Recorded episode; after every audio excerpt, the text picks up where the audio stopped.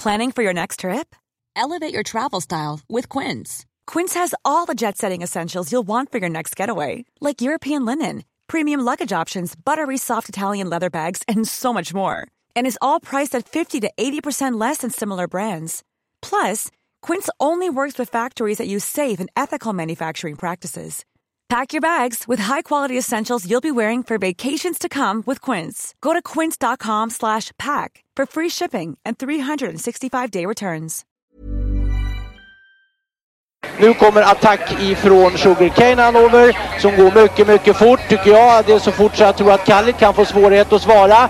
Sugarcane Hanover vänder ut och in på fältet. Startbilen är i rörelse till Svensk Travderby 1987. What the horse, what the driver, nummer ett McLobel och John D. Campbell. Resultat av tredje loppet, Elitloppet SAS första försöksavdelningen.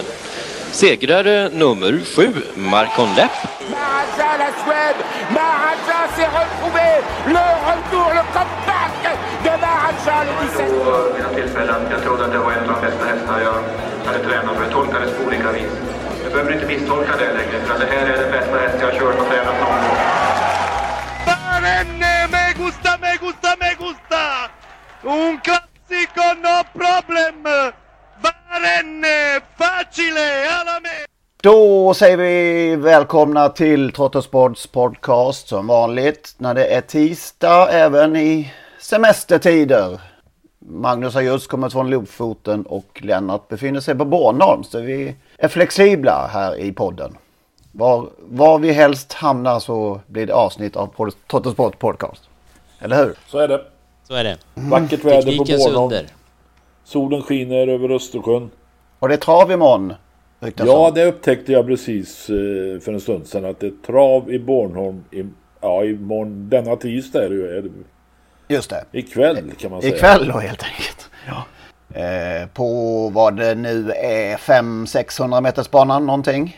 Ja, det är något sånt va. Det går sånt. runt, runt, runt. Och eh, Magnus ska strax få eh, redogöra för sitt besök på Lofoten travpark i lördags var det va? Har alltså lyckades pricka in eh, årets enda tävlingsdag utan att du visste om det.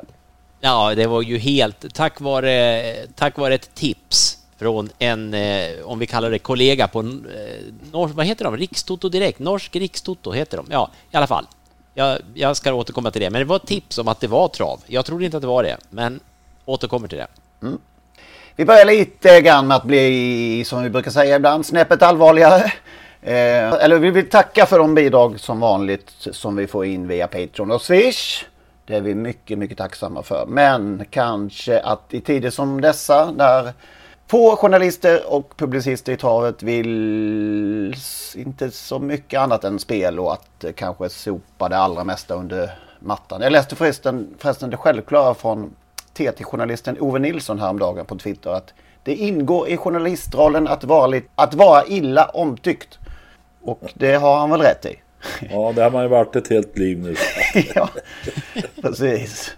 Så långt ifrån man kan komma kanske till exempel det faktum att skicka ut en bild på en keps som man fått från Svante Båt och att man såklart även på semestern bör snygga grejer som, man, som vi dök upp på Twitter häromdagen. Man blir ju lite, för, lite förvånad. Eh, nej men då är det kanske extra viktigt för att vi ska kunna fortsätta att ni lyssnare och läsare bidrar till oss. Tyvärr har vi istället blivit av med en del Patreons och eh, även Swish-bidrag. Eh, Å ena sidan så får vi så väldigt mycket lovord. Jag får in mail stup i kvarten och hur viktiga vi är. Och att vi orkar. Men å andra så har vi helt enkelt en, i, i princip inte någon ersättning för det. Så att eh, vi vore tacksamma om fler skulle kunna tänka sig att bli Patreon hos oss. Vi kan väl förtydliga också där att det är ju inte för att jag ska kunna åka till Lofoten och titta på trav som vi har de här möjligheterna till sponsring.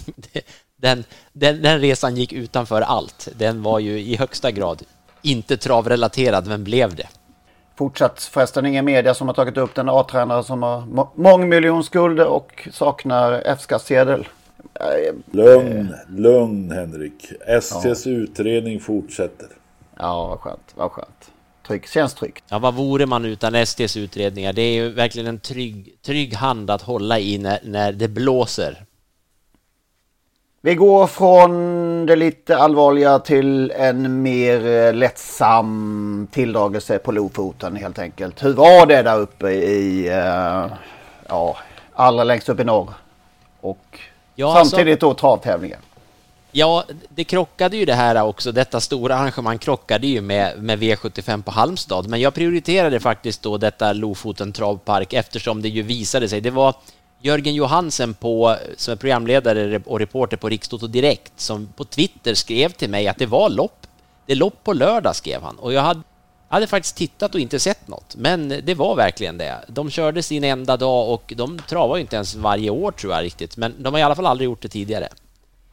Men nu gjorde de det och eh, vi hastade ner från, från eh, berget Offersöjkammen 436 meter över havet. Vi hastade ner eh, därifrån till travbanan för att komma in och vi var väl på plats max 100 personer. Eh, en, en handtextad skylt ute vid vägen. Det stod eh, eh travlöp idag klockan 15.00 välkomna.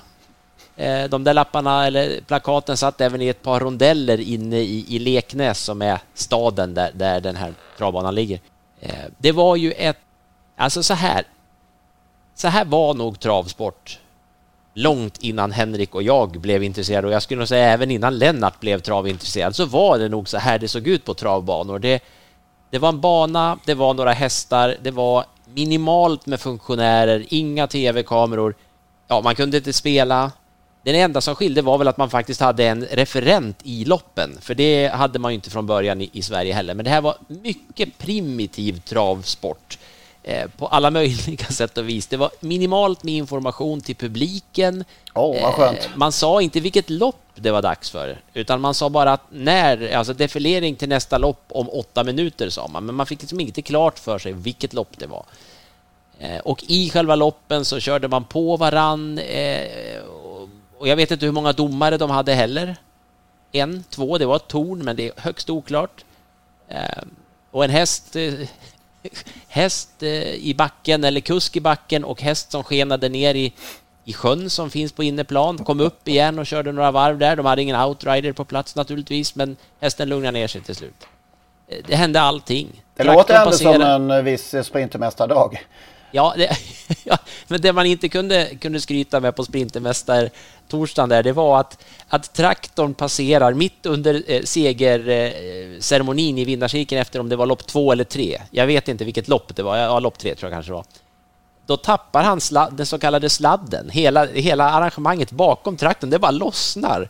Och han åker väl en, en 30-40 meter och jag pekar åt honom att han har liksom tappat den. Den är mitt framför eh, där den pågående segerintervjun. Han backar lugnt tillbaka där och blir framför. Står emellan publik och segerceremoni. Och ansluter den där igen och den var väl typ fastknuten eller något. Jag vet inte. Men det var så här fantastiskt charmigt men, men verkligen travsport när den är som alltså på 100 procent engagemang. Det här var, jag förstår att det fanns människor som har jobbat länge för den här travdagen. Eh, men det var en mycket primitiv travdag ändå. Du sa inget och, spel? Var det inget spel? Nej, in, nej, inget spel. Och som sagt, alltså det här med att, det vet vi alla som har sett travlopp från, från eh, publikplats och står precis vid staket och så vidare. Det är ju svårt att hänga med i loppen. Det blir extra svårt eh, när det eh, ja, vad ska man säga, när de kör lite hipp som happ. Det var hästar som bröt ut och konstiga nedtagningar av galopperande hästar. Det var ju ett lopp var det till exempel bara två hästar med. Det, det var annorlunda travsport kan man säga. Eh, på alla sätt och vis. Men man körde ändå svartjuice äreslöp. Vi kan väl lyssna lite här hur eh, det lät eh, inför loppet. Ja, defileringen till svartjuice äreslöp. Här kommer en publikum, legenden Svartlo. Ta emot han. Då sa vi då nummer sex, Polar Nordtun. Julianne Karlsen är tränare Tom Christer Nygård i silkesettet. Det är inte Ulf Thoresen Grand International, men det är Svartlos äreslöp publikum. Ja, hur gick jag det vet sen då? tyvärr inte namnet på referenten här, det borde jag ha tagit reda på. Men som sagt, det var inform knapp information vad det gällde det mesta där. Men en mycket engagerad referent som, som gjorde allt för publikum, som han återkom till. Det ordet använde han ofta. Eh, jättebra eh, engagemang i referenten, absolut inget snack om det. Men detta, detta svartljus äreslöp som ju då är alltså, det är ju det är Lofoten travparks stora stolthet, Svartjo.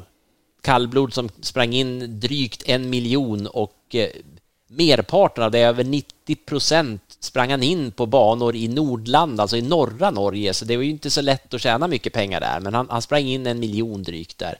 Och han ledde ju då, som vi kunde höra, defileringen här. Eh, och sen vanns loppet av Polar Nortug som eh, avgjorde i en förhållandevis tät slutstrid, men det, de forsade förbi där eh, och vann 10 500 norska kronor. Och sen, sen åkte vi därifrån. det skulle vara några ponnylopp och sånt där, men vi, vi släppte det. Men det var...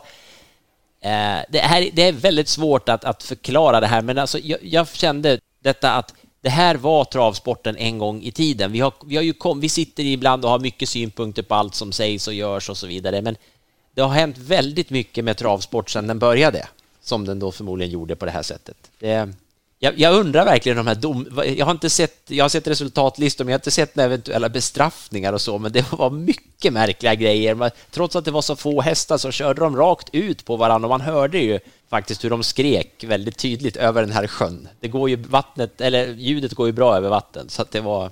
Ja, jag, jag, önskar att, att det här fanns. Eh, jag tog lite bilder. Jag ska skriva en text, eh, kommer att finnas på trottosport.nu. Men eh, det hade varit kul att ha haft mer på film här. Men man, man är som ensam reporter, eller på säga, så, så hinner man inte allt. Men det var ett fantastiskt litet gulligt arrangemang, så kan man säga. I en, så här, jag ska avrunda med att säga, i en helt bedårande miljö. Det kan inte finnas en vackrare travbana där man i alla fall kör tävlingar. Helt otrolig miljö alltså. Det är... Svartjo gjorde 199 starter säger jag. Ja. Under vilken tid? Han slutade för något år sedan bara. Slutade 2020.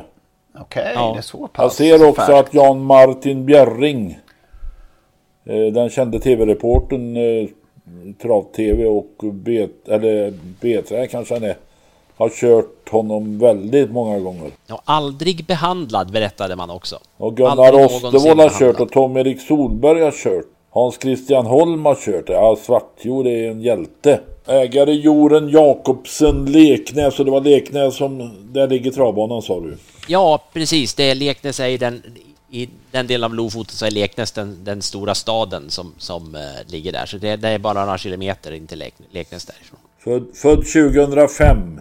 Ja, still, still going strong i, i eh, löpglad i defileringen där. Så att, eh, Var med alltså sprang. Han var med, han ledde defileringen. Ja, eh, med, det var en, han är ryttare, så han monté i defileringen. Jag kan, jag kan avrunda med att berätta, det var som sagt mycket som, som hände där, men eh, det blev en dubbelseger där eh, på kusksidan. Sigmund Jakobsen vann två lopp. Eh, och eh, han vann dels ett kallblodslopp där det efter strykningar bara blev två hästar kvar. En hade, var struken innan och den andra var den som skenade runt och badade i, i den här sjön då. Men det var två hästar och där vann han med Mellen Blix. Men sen vann han också loppet därpå med, med franskfödde Gospel de la Tour. Och då fick han en fråga i, i vinnarcirkeln där om hur det hade gått till, historien bakom när han hade köpt den här hästen. Och då hade han, han hade köpt den, han hade fått en, en video med lopp då och sett den här hästen. Och sen hade han köpt den. Eh, sen visade det sig att, att eh, när han väl hade köpt hästen att det var ju inte alls den hästen på, på loppen, eller på, på videobandet som han hade sett. Eh, så han hade köpt fel häst och det var inte mer med det och då frågade eh, killen i vinnarcirkeln där, vet du hur det har gått för den här hästen som var på filmen då? Ja, jag tror han är död, svarar Jakobsen då. Han tog rätt häst. På mer eh, modern travmark då, av vad har vi att säga om veckan som gått? Ska vi börja i Sprintermästaren och vad finns det ens att tillägga, höll jag på att säga. Efter eh, ännu en Vad menar du uppvisning. med det? Alltså, jag fattar inte vad du menar. Det är väl En mesta häst som har stenslagen 300 kvar vinner skitlätt. ja, Det är det du pratar om. ja, det, ja, så kan jag väl säga. Men eh, inte hade du väl... Du har väl inte gett tappt 300 kvar? Trodde du att han skulle förlora? Kanske, det kanske han inte hade gjort men... Ja, vad fan, han var ju slagen tyckte man. Jag skulle inte vilja spela en spänn 300 kvar. Nej, men man vågar ju inte spela emot heller. Nej, det behöver man inte göra naturligtvis. Det har du rätt i. Nej. Jag Eh, läste, jag läste Lars G Dahlgren som jag har stor respekt för när det gäller travkunskap. Han, Min före detta kollega på travrondan en gång i tiden. ja, han skrev ju någonstans att eh, Don Fanucci Zet, nej så heter han inte, Francesco Zet. I högst, allra bäst? högsta grad heter han Francesco. Ja, jag vet, jag ber om överseende för detta. Ja. Klavertramp.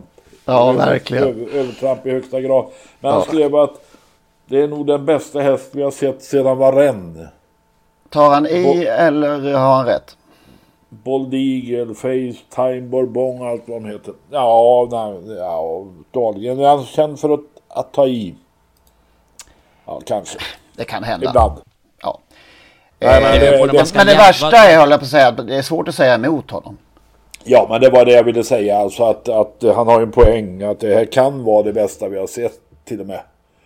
Eh, det får ju framtiden utvisa. Än är han ju inte där kanske riktigt. Men eh, möjligheten finns och det, det är väl som, som Daniel Rydén också. Han himlar med ögonen och säger han förstår inte riktigt vad som händer. Och så kanske det är. Och den visar upp i Halmstad. Och vi har, du har sagt det förut så många gånger eh, Henrik att det här är det, kan vara det bästa vi har sett och så vidare. Och, Och att eh, han har- faktiskt eh, har lite lekstuga med alla andra stjärnorna hemma i, i, i jobben ju. Eh, vilket ju säger en del. Får man säga. Ja, jo, jag tänker också när man, när man ska säga sån här sak, det bästa man har sett sen varenda, det är ju frågan när, när vid vilken tidpunkt är det vi jämför? Ah, han är fyra år, är det när Varenne var fyra år eller är det, var- det Varenne under hela hans karriär? Eller alltså någon, det är lite tidigt. Det är, ja, något större svenskfött löfte har vi definitivt aldrig sett. Det kan vi ju vara helt säkra på i alla fall. Och som jag säger, det här Francesco Zet, han hamnade på något märkligt sätt ändå i skymundan av Calgary Games förra året ju. Men jag vidhåller att jag tycker den prestationen som Francesco Zet gjorde i kriteriet var vassare än Calgary Games. Och jag, jag tror ju att det här, är, det här är ju en bättre häst än Calgary Games. Nu kommer du få mothugg. Svårt att jämföra med någon häst som, eh, svårt att jämföra med någon häst som aldrig startar ju. Nej, men vi, vi sa ju också om Calgary Games att det kanske är det bästa vi har sett. Ja, men inte sen, inte sen Francesco Zet dök upp. Då, då får jag nog säga att jag... jag eh, men alldeles oavsett, tänk om vi kunde få se då, som vi säger nu då. Eh, nu antydde ju Daniel Olsson här på, på rak fråga från Lennart Forsgren i något sammanhang som jag såg förra veckan där att hur, när Daniel Olsson var bisittare, då fick han ju en fråga av, av eh, Forsgren om Calgary Games och Daniel Olsson kör ju kör ju Calgary Games då och då och då skulle ju tydligen Normos göra något jobb så att det är ju någonstans finns det ju någon start planerad. Jag vet inte om det är uttalat något lopp. Ja, det har man inte sagt va, eller? De har antytt jubileumspokalen nu. Ja, man kan ju ana att det är det det handlar om. Men, men tänk om vi skulle kunna få ett lopp mellan Francesco Zet och Calgary Games. Det, vilket lopp skulle det vara i år? Det är ju, det är ju uteslutet. Ja, det är helt uteslutet. Nej, i år. Absolut inte i år, men att vi, det- det vore ju roligt att få se dem mot varann. Ja, verkligen. För det är ju... Eh, Joakim Lövgren sa det. Jag såg en segerintervju i, i torsdags från Sprintermästaren och det var det si- sista loppet där och då sa Joakim Lövgren att man ska inte möta sådana. Om Francesco. Det var ganska bra. eh, tydligt var hur eh, han såg på det helt enkelt. Men eh, ja, spänn, lite spänning fick vi i alla fall ju faktiskt. Ja, faktiskt. Ja. Och vid sidan av denna spänning så fick vi ju också mycket spänning, de som följde sändningen i alla fall. När eh, vår nya idol Simon trädde in i handlingarna. Ja, det var hektiskt. Och imponerande. Och du skrev ju en text eh, om det, Lennart. Ja, och helt plötsligt så är debatten död. Eller det kanske inte har varit någon debatt, men det finns ju de som har efterlyst och, och, och önskat att vi ska ha autoriders även i Sverige, precis som de har på många banor i USA eller i Nordamerika, framförallt på galoppbanor. Eh, nu fick vi se eh, vad en sån outrider, om den är skicklig och om hästen är skicklig, eh, kan uträtta och kan rädda både liv och dem som jag skrev. Mm. Eh, vi fick verkligen veta vad en outrider kan betyda. Ja, och det är ju det är ju så svårt när man inte är någon expert på outriders, men det är ju ingen tvekan om att Camilla Olsson är i på absolut högsta nivå.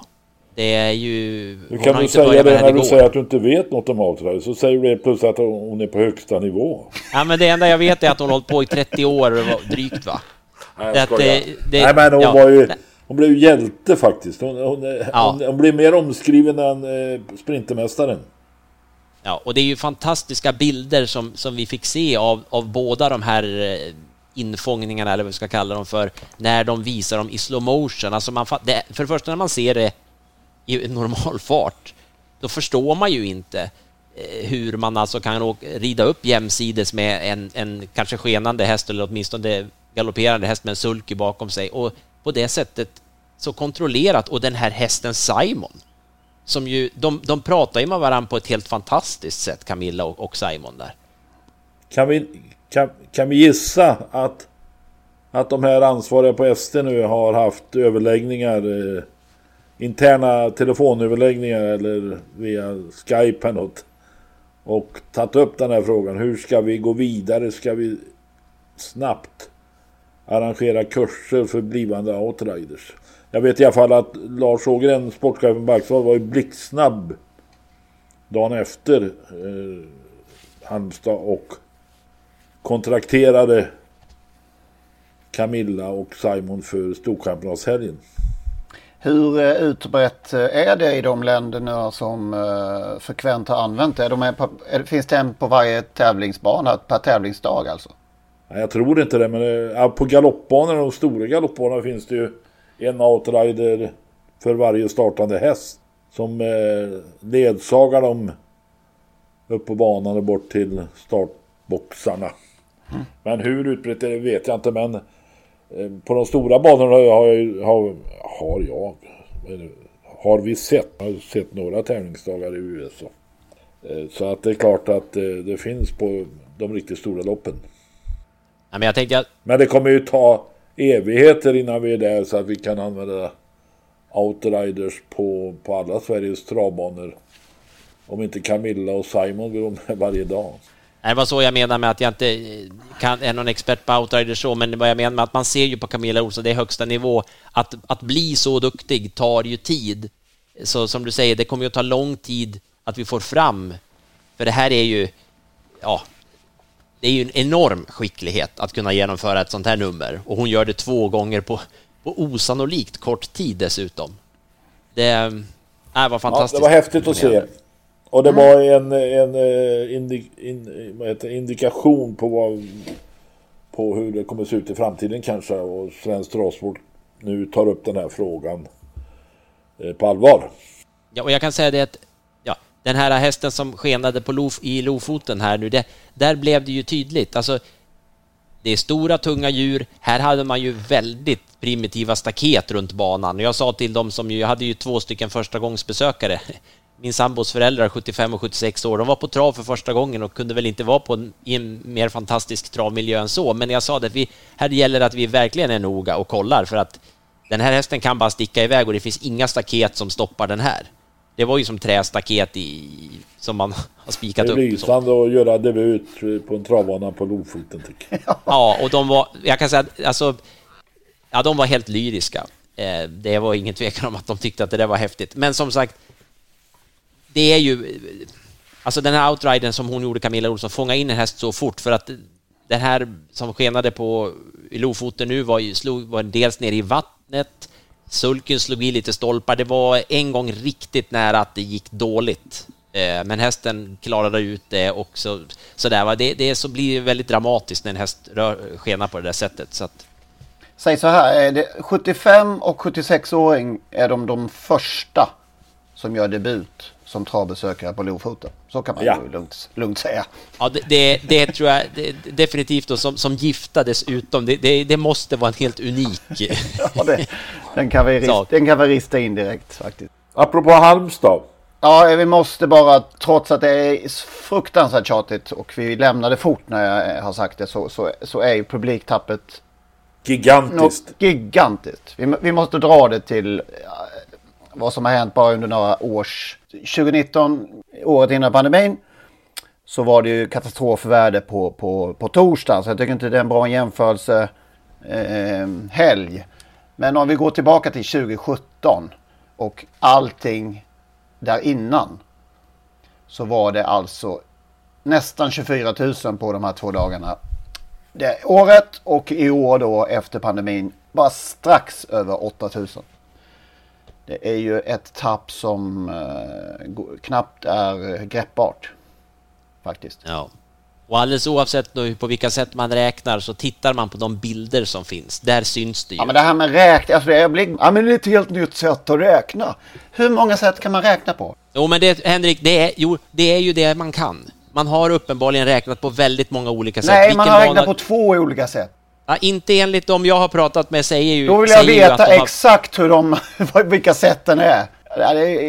Sluta med det här. Nej, men vissa banor kan ju inte ens svara på hur de har räknat, så jag tror att det är lite mer komplicerat, men det spelar ju ingen roll. Bilderna finns ju, fotona finns ju. Vi tittade, vi jämförde ju ett par bilder där, två flygfoton eller från drönare, där det var, var ju tomt i år, på den, alltså tidigt på upploppet i princip, och för, jag kommer inte ihåg vilket år vi jämförde med, men det var ju inte långt tillbaka, kanske var det här 17 du sa? Mm, jag tror det. Då var det ju folk hela vägen. Alltså det, alldeles oavsett räknesätt eller inte, men alltså det är så uppenbart visuellt att, att eh, ja. Har man höftat tidigare alltså? Är det det, vi, är det, det som är räknesättet? Ja, det har man kanske gjort här och var, men eh, det är ju som Magnus säger att man ser på bilderna. Jag har ju gått där ett antal gånger. Ja, gud ja. På Halmstad ju... publikplats och haft svårt att ta mig fram. Nu är jag ju inte ja, den visst. smidigaste i, i världen, men, men eh, man får tränga sig fram man har ju haft sin stol med sig i massor av år och, och eh, ja, det har ju varit väldigt kort avstånd mellan folk. Har det varit. Nej, man kan eh, räkna hit och dit och man kan dra av och lägga till men det är klart att eh, man såg det med blotta ögat att det här är gigantiskt. Låt mig från Halmstad också nämna Reckham. Hur i helsike gick det till?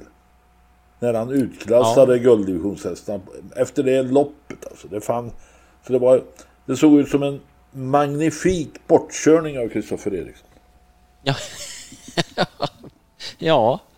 Och så bara han tågar ifrån dem. Och nog trodde man 300 kvar att nu är det väl ändå dags för Admiral As. Tänkte man inte så? Ja, man känner ju så, men ja. Är det Sveriges mest överskattade stjärnhäst. Ja, vi får väl se. Det. Man kan få äta upp saker, men... Eh, ja, man ska säga alltså, det är ju det att Rack, äh, Rackham, Rackham, han var ju också oerhört bra. Det, Admiral As gör ju inget dåligt lopp. Ta bort Rackham-loppet, så då, då hade man ju tyckt att Admiral As gjorde ett fantastiskt lopp. Ja, det... jag vet inte det. Det var inte ganska, ganska ihåligt lopp liksom och, och det som ja. han... Brother Bill var ju urdålig och... Ja, obegripligt dålig. Men han startar igen nu, så att eh, ny kusk dock. Okay. De tror att det är Jormas fel alltså. Nej, jag måste, vi må, får inte glömma Kebba Mill heller. Storsprintervinnaren. Nej. Som kom från ingenstans till kvalen i drott, drottningkvalen där. Mm. Och sen dess pratar åtminstone inte jag om någon annat fyraårigt stor. Det är otroligt vilken, vilken stridsvagn. Ja, jag gissar att de övriga som är med i Storchampionatet kval på fredag är tacksamma över att hon inte är med där. Ja, det kan man lugnt säga. Det... En liten, liten reflektion bara som jag ändå vill få med på till eh, anteckningarna här. Det är att vad jag förstår så höjde man ju entrépriset på Halmstad jämfört med tidigare nu. Och det där har vi pratat om tidigare. Jag, bara, jag förstår verkligen inte det. Hur tänker man? När man, börjar, när man höjer biljettpriser. Det kostade 200 va, på torsdagen. Eh, ja, jag tror man, man gick från 170 eller 180. Jag, jag erkänner att jag har inte superkoll. Jag såg att det var en höjning i så fall. Det kan ju inte ja, skrämma det... bort folk 30 spänn. Ja, fast principen. Ja, det Det finns ju ingen efterfrågan. Man höjer pris på biljetter, men det finns ju ingen efterfrågan. Det är ju travet. Hur kan travet ha en sån helt annan syn på på hur man gör affärer. Ja, men det har väl alltid Tillgång och varit... efterfrågan är det som Ja, styr pris, inte tusan. bara att man tycker att det här vill jag att Stålberg, folk ska... Stålberg. Det är väl en känd strategi i travsporten att de som verkligen går på trav eller åker på trav, betalar entré för trav, de ska betala åt de som inte går dit. Det är riktigt. Det är den, eh, det är den eh, lagen som jag har lite svårt att eh, förstå att den fortfarande gäller. Vi har några spännande dagar framför Årjängs stora sprinterlopp på lördag och sen Storchampionatet. Hur ser det ut där? Det får vi se. Årjäng har ju historiskt haft höga publiksiffror. Höftade gissar jag. Noterade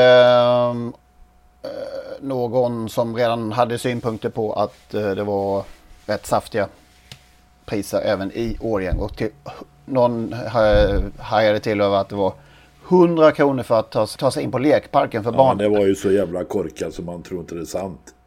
200 i entré tycker jag är helt eh, acceptabelt alltså. Ja, det, det Men kan jag 100 också spänn för att... Eh, men då får man lämna in ungen där då och få hämta den efter tävlingarna. Ja, det... Ja.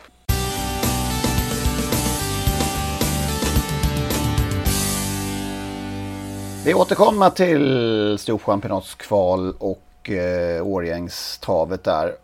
Nu ska vi gå till något som kanske är lite tvärt emot då eh, vad Francesco Zet. Om man säger så. Vinnartyper som Francesco Zet. Dess motsats har vi en del av. Och de är ju fascinerande i sig faktiskt. Ja, det, alltså det är ju verkligen... De, de kämpar på och sliter. Och startar och inte vinner. Och kan ju bli faktiskt lite eh, kända och uh, mytomspunna tack vare det. Jag läste faktiskt på att det finns en häst som heter Sippy Chippy på Wikipedia. Ett engelsk fullblod. Mest känd för att ha blivit segerlös på 100 starter under sin tävlingskarriär. Så den är långt eh, svep om, om både karriären och vad han gjort efter tävlingskarriären. Och väldigt känd häst verkar det vara. Eh, vann totalt eh, 30 800 dollar. Men segerlös. Och eh, som sagt berömd tack vare det. Och du har fler exempel. Nej, men jag hittade en häst på Jägersro ikväll, denna tisdag kväll i lopp 3. Borups Slotter. Han har gjort 56 starter. En andra plats som bäst, ingen seger alltså. Eh, det finns säkert eh, eh, många fler, eller ett antal fler hästar som har gjort fler starter utan att vinna. Det stod mig lite om Activity. Han gjorde 20 starter som treåring, vann inget. Vann sin första start som fyraåring på våren där, och det var hans 32 start. Hans Frey, lärling på Åby, körde då. Han blev tvåa i derbyt faktiskt, några månader senare. När Utini vann. Ja, och vi känner ju Activity, Anders Lindqvist körde ju ofta stora framgångar på Vincennes, bland annat seger i Prix de Luxemburg. Slog Sogen i SM 1996. Eh, vann, eh, ja, sprang väl in över 10 miljoner, 10,3 miljoner. Så att eh, man behöver inte ge upp om man eh, har torskat de första 32 eller 31 i alla fall. Jag minns eh, Kvittens. Alltså det var ett namn som vi gillade när vi pratade om ja, coola namn. Ja. Han gjorde 150 starter, två segrar. Jag tror det var Allan Jönsson som körde i alla, nästan. Axvalla tränade på den tiden, sen till Kalmar. Men eh, trots eh, att han vann få segrar så fick han verka aveln och lämnade i alla fall Kvittera, dottern Kvittera. 87 starter, två segrar. Var det inte kvitto också? Ja, kvitto hade han en som hette också kanske ja. Ja, det var ju- ja. Eh, Men det finns ju flera. Du nämnde någon topphäst där Henrik. eh, Ja, BB Sugarlight var ju inte allt för uh, vass första 30-40 starterna innan det tog fart. Kanske två segrar de första dryga 30 innan det släppte på allvar med diverse ändringar och allt vad det var. Kan vi få fram vem som är den som har förlorat flest lopp innan han vann sin första? Just ja, det går inte att slå den galopphästen som aldrig vann. Nej, det har det inte. Podcast.autosport.gmail.com Skicka in eh, bidrag om hästar som sällan vann. Eller aldrig vann då. Helst aldrig vann. Helst aldrig. En som eh, kanske den mest kända hästen som typ aldrig vann. Men som alltid var med. Ja okej, okay, han vann faktiskt 19 gånger men gjorde 322 starter. Är det inte Tulleman ändå? Ja, Tulleman. Tulleman.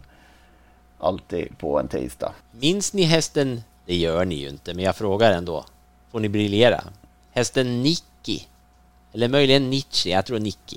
Nej, det går nog vi bet va, Lennart? Nej, ni ska inte gå. Alltså det är otroligt. Om ni inte var på Charlottenlund den där enda gången när Nicky vann, den 29 oktober 2017, när han spelade till 23 för 10, Oj. tog karriärens enda seger. Startade 107 gånger och vann ett lopp och då gav den 2,30. Här måste det finnas Man undrar ju, hur går det till? Ja, det var... Är en hund begraven? Ja, det är det. Det kan man säga. Det, det, det får man säga. Uppfödd av Anna Forsell faktiskt. Ser du hur många deltagande hästar var i loppet? Vi börjar där. Eh, vi ska se om jag kan klicka fram det här. Nej, det verkar inte vara någon länk tyvärr till Charlottenlund. Du tänker på om det var som på, i Lofoten där, att det var två hästar till start? Något, något är det ju här. Det, det är ju... Ja, då är det ett bra odds att få 2,30 när det, är, när det är två hästar då. Ja. Ja. Roger Jonsson körde. Leif Olofsson var tränare då. Ja. En seger på 109 start. Ja, den duger gott ju faktiskt. Det får man säga. Maila in som sagt. Eller hör av er på annat sätt. Ska du då till Axvalla på fredag kväll, Lennart? Det är avsikten. Det är avsikten. Ja. Eh, 102 anmälda mot 100, 103 var det väl? 103 kanske till och med. Ja, mot, kanske. Det var, det var färre än i fjol. Som det då var 105. Men det är ju Ja. mycket ändå. eh, Ja, och eh, många mycket. strukna naturligtvis. 72 är det väl som får plats. Ja, tvångsstrukna. Nu fick de ju en, en, en... De som var tvångsstrukna fick ju vara möjlighet att vara med i något lopp med 50 000 i första pris om jag är rätt Mm. underrättad. Ja. Stärktes dina förhoppningar och förväntningar på Deborah SH när vi ser vem att det är kuskändring där? Eller vad man ska säga. Fredrik Ja, Persson väljer alltså, att inte jag- köra. Jag noterar att eh, Fredrik Persson har överlåtit tummarna till, till Thomas Urberg. Och det är i alla fall ingen försämring. Eh, eh, och i kvalet på fredag. Alltså det, det här innebär väl att eh, Urberg även kommer att köra den i finalen gissar jag. Eller om, eller om det finns andra, andra skäl till att Persson... Eh, nej, han kan ju inte ha planerat sin semester eh, den dagen det är kval till det lopp han har siktat på så länge. Nej, det vore... eh, det Och jag har ju märkligt. siktat också på detta lopp så länge för jag sa redan i höstas att Deborah SO kommer att vinna Storchampionatet. Det är ju, skulle hon göra det är det ju oerhört snyggt av dig att klippa den. Ja. Faktiskt, men det är långt dit. Hon fick bra spår i försöket eh, och som sagt Thomas Urberg i jollen. Så att jag har, eh, jag tänker inte på något vis ändra mig. Eh, En av våra tidigare favoriter fick ju spår 8 där va? Eh, great skills, ja. skills. Och möter Glamorous Rain. Någon hygglig till så det var lite kris kanske för, för Wäjersten. Ja, ja. Jag ser att Imatra Am som nu har två, två sprinterlopp på ganska snäv tid också ska vara med i Storchampionatet och tillhör väl favoriterna naturligtvis. Men som sagt, det är båda SH. Håller du med Magnus?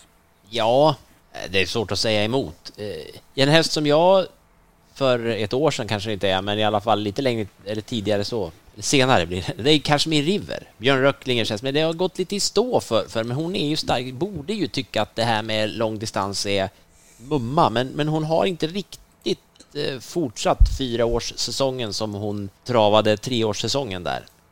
Men eh, det vore kul om de fick lite fart på henne ute i de här uttagningsloppen. Alltså det- Hon fick ju spår två. De där som tillhörde toppen i fjol eh, bland treåringar, eh, många av dem har gjort väldigt få starter. Mm. Och hon tillhör ju dem. Hon har ju bara gjort tre starter hittills i år. Ja, precis. Kanske apropå att verkligen sik sikta hit då. Möjligen. Ja. Jag hoppas att det är så. Och så då på lördag Årjängs stora sprinterlopp. Vi tittar tillbaka i segerlistan lite grann och eh, är det ju svårt att inte alla andra fina namn till trots fastna på ett visst från 1989. Alltså det är fortfarande så här långt efteråt fortfarande nästan svårt att greppa att, eh, att eh, en Hamiltonian vinnare och en total dominant från unghästcirkusen i USA skulle bli eh, en svensk häst. Hastigt och lustigt. Ja, det är ju en sak. Men att han skulle hamna i Årjäng också. Ja, det dessutom ja.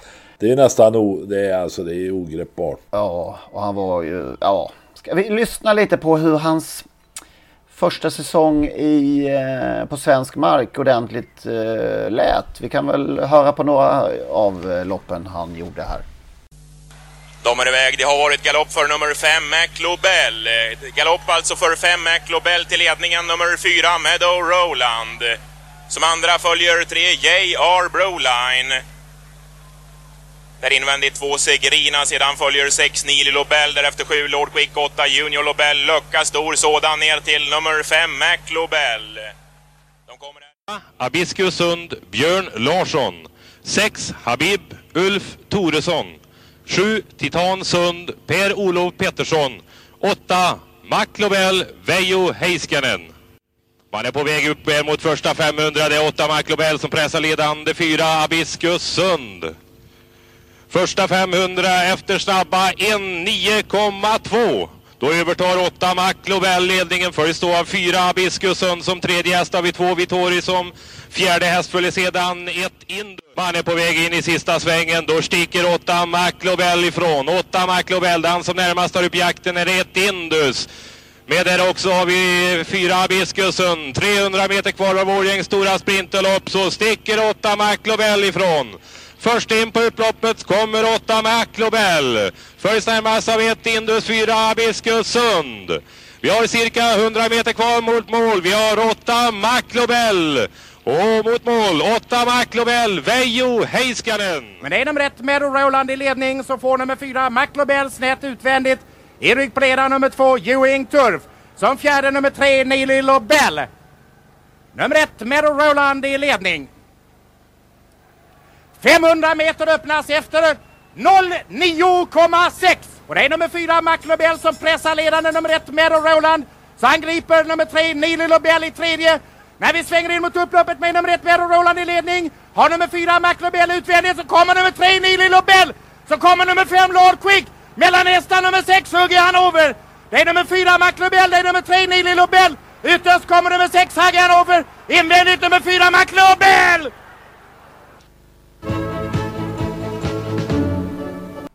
Alltså det var ju till och med så att han den 18 april, en tisdag kväll på Jägersro eh, var ute med John Campbell i sulkin. Flögs över för ett vanligt rötigt snabblopp. Tulleman var säkert med och mötte McLobel eh, en, en tisdag. Alltså det är ju, när man tänker tillbaka så är det ju, det kan ju inte hända idag. Det kan inte hända, eller hur? Nej. Det kommer aldrig hända igen en sån här grej. Och, och, och 89 då så, eh, vi hörde ju här att han galopperar bort sig i Elitloppsförsöket där.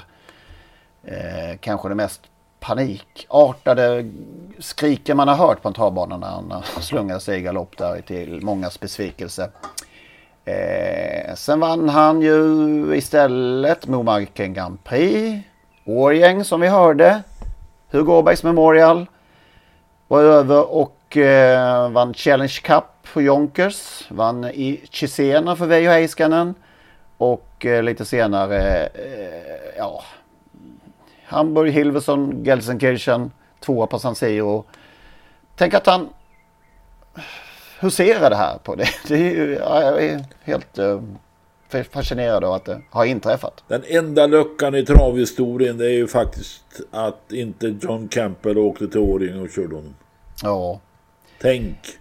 Jag så här får fundera på lite grann här nu. När skedde det här kuskbytet från och varför? Från Veijo Heiskanen till Thomas Nilsson. Där gick Ja. alltså Veijo Heiskanen miste om en Elitloppsseger. Ja. Om man ska dra det hårt. Jag vet inte, jag, jag minns inte detta varför, varför det skedde. Nej, inte jag heller. Minns någon så får de gärna höra av sig även om det. Podcast.totosport.gmail.com För sen vann han ju som sagt Elitloppet 1990 för Thomas Nilsson och eh, en massa ytterligare. Men, men eh, 89 här som sagt, det var ju... Eh, ni hörde ju att han var överlägsen då i, eh, i Årjäng här till exempel. Ingen McLovell på lördag alltså men... Eh, Och ingen John Campbell heller. och ingen John Campbell heller. Det var ju... Ja. Ingen Veijo Heiskanen heller. Nej, just det. Det är sant. Så vad säger vi om startfältet i år då? Don Fanucci säger att favoriten från bakspår. Kan det hindra? Ja, det är väl svårt att tro. Håller med faktiskt. Det... Jag noterar bara som Magnus antydde, Jorma Kontio kör alltså åt Gocciador, Babelef och Magnus Djuse kör Brother Bill. Nej, men alltså han möter ju hästar som han slår i sömnen höll jag på att säga. Clickbait har spår 8. Bill har ingen form. Usain Tull är kanske det mest intressanta men inte kan vi tro att Usain Tull slår Don Fanuccis sätt. Nej, det är svårt att krysta fram med, med det håller jag med. Ja, det är det där spår 9 som ändå gjorde att det här blev något att prata om mm. på något sätt ja. ändå. Det, det, så får man ju se det, men, men eh, det, går ju, det går naturligtvis inte att tro något annat. Någon som har kollat något i övrigt?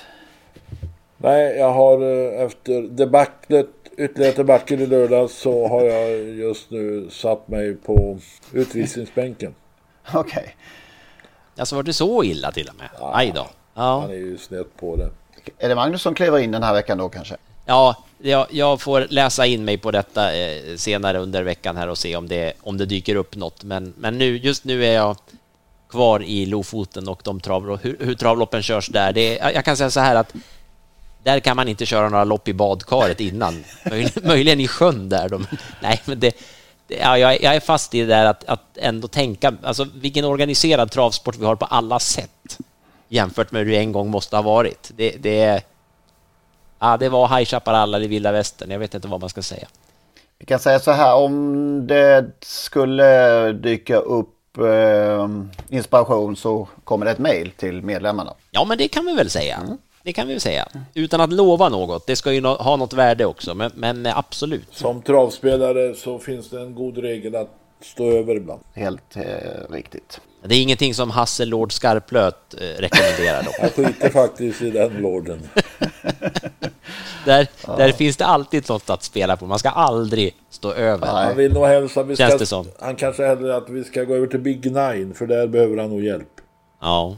Ja, det kommer inget mejl om några Big Nine-idéer, det kan vi ju utlova definitivt. Ja. Något mer innan vi stänger igen butiken? Vi såg tydligen ett underbarn i lördags, om man ska vara lite sån.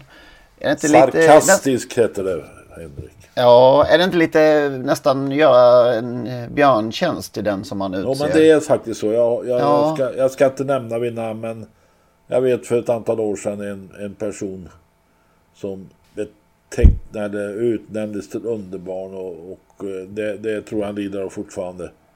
Eh, och det blev, det blev inte så riktigt så bra som man hade tänkt sig. Men underbarn, ja då är man något... Ja, har du något exempel på underbarn? Maradona var ett underbarn skulle jag Han var ett kunna tänka. Ja. Så ett, jag vet inte. Man, man, man, kan vara talang och mycket lovande men underbarn. Gustav Johansson är det vi pratar om här och eh, han är väldigt duktig och vann ju i lördags. Men man kanske ska ta det lite aningen försiktigt ändå. Ja, men det, det För... finns, inga, finns inga spärrar. Nej. När man ska... Ja, den är, den är svår och väldigt svår att förstå den där varför man... Det är som att man hade inget annat att säga och, och sen ska det överdrivas eh, något alldeles oerhört. Jag, jag kan säga att inför eh, eh, Gotia Cup 2000, ja, säg alltså 2009, 2008, något sånt där i alla fall. Då skulle det komma en, en kille från Brasilien, han heter Dudu. Och han var ett underbarn. Han skulle man gå och titta på. Jag, jag, filmade med en dålig mobil. Det är ett klipp som jag har haft på Youtube som väldigt många har tittat på, men Dodo har ingen sett sen Gotia Cup, tror jag.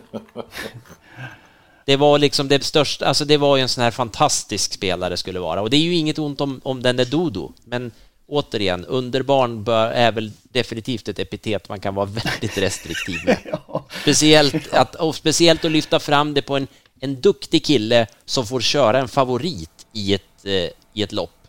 En, en, en, en, riktigt bra häst. Han, han, det är inget ont om, om Gustav Johansson och hans insats heller bakom Blackfire, men det blir så konstigt. Om det är någon som har något underbarn så hör av er.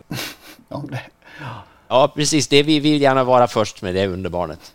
Så hörs vi återigen om en vecka va? Ja det får vi hoppas. Ja, det gör vi. Ha det gott!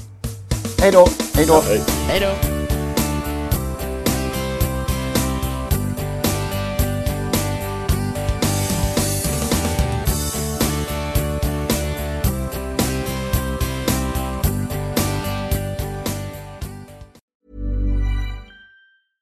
Hey, it's Paige DeSorbo from Giggly Squad. High quality fashion without the price tag. Say hello to Quince. I'm snagging high-end essentials like cozy cashmere sweaters, sleek leather jackets, fine jewelry, and so much more. With Quince being 50 to 80% less than similar brands. And they partner with factories that prioritize safe, ethical, and responsible manufacturing. I love that. Luxury quality within reach. Go to quince.com slash style to get free shipping and 365 day returns on your next order. Quince.com slash style.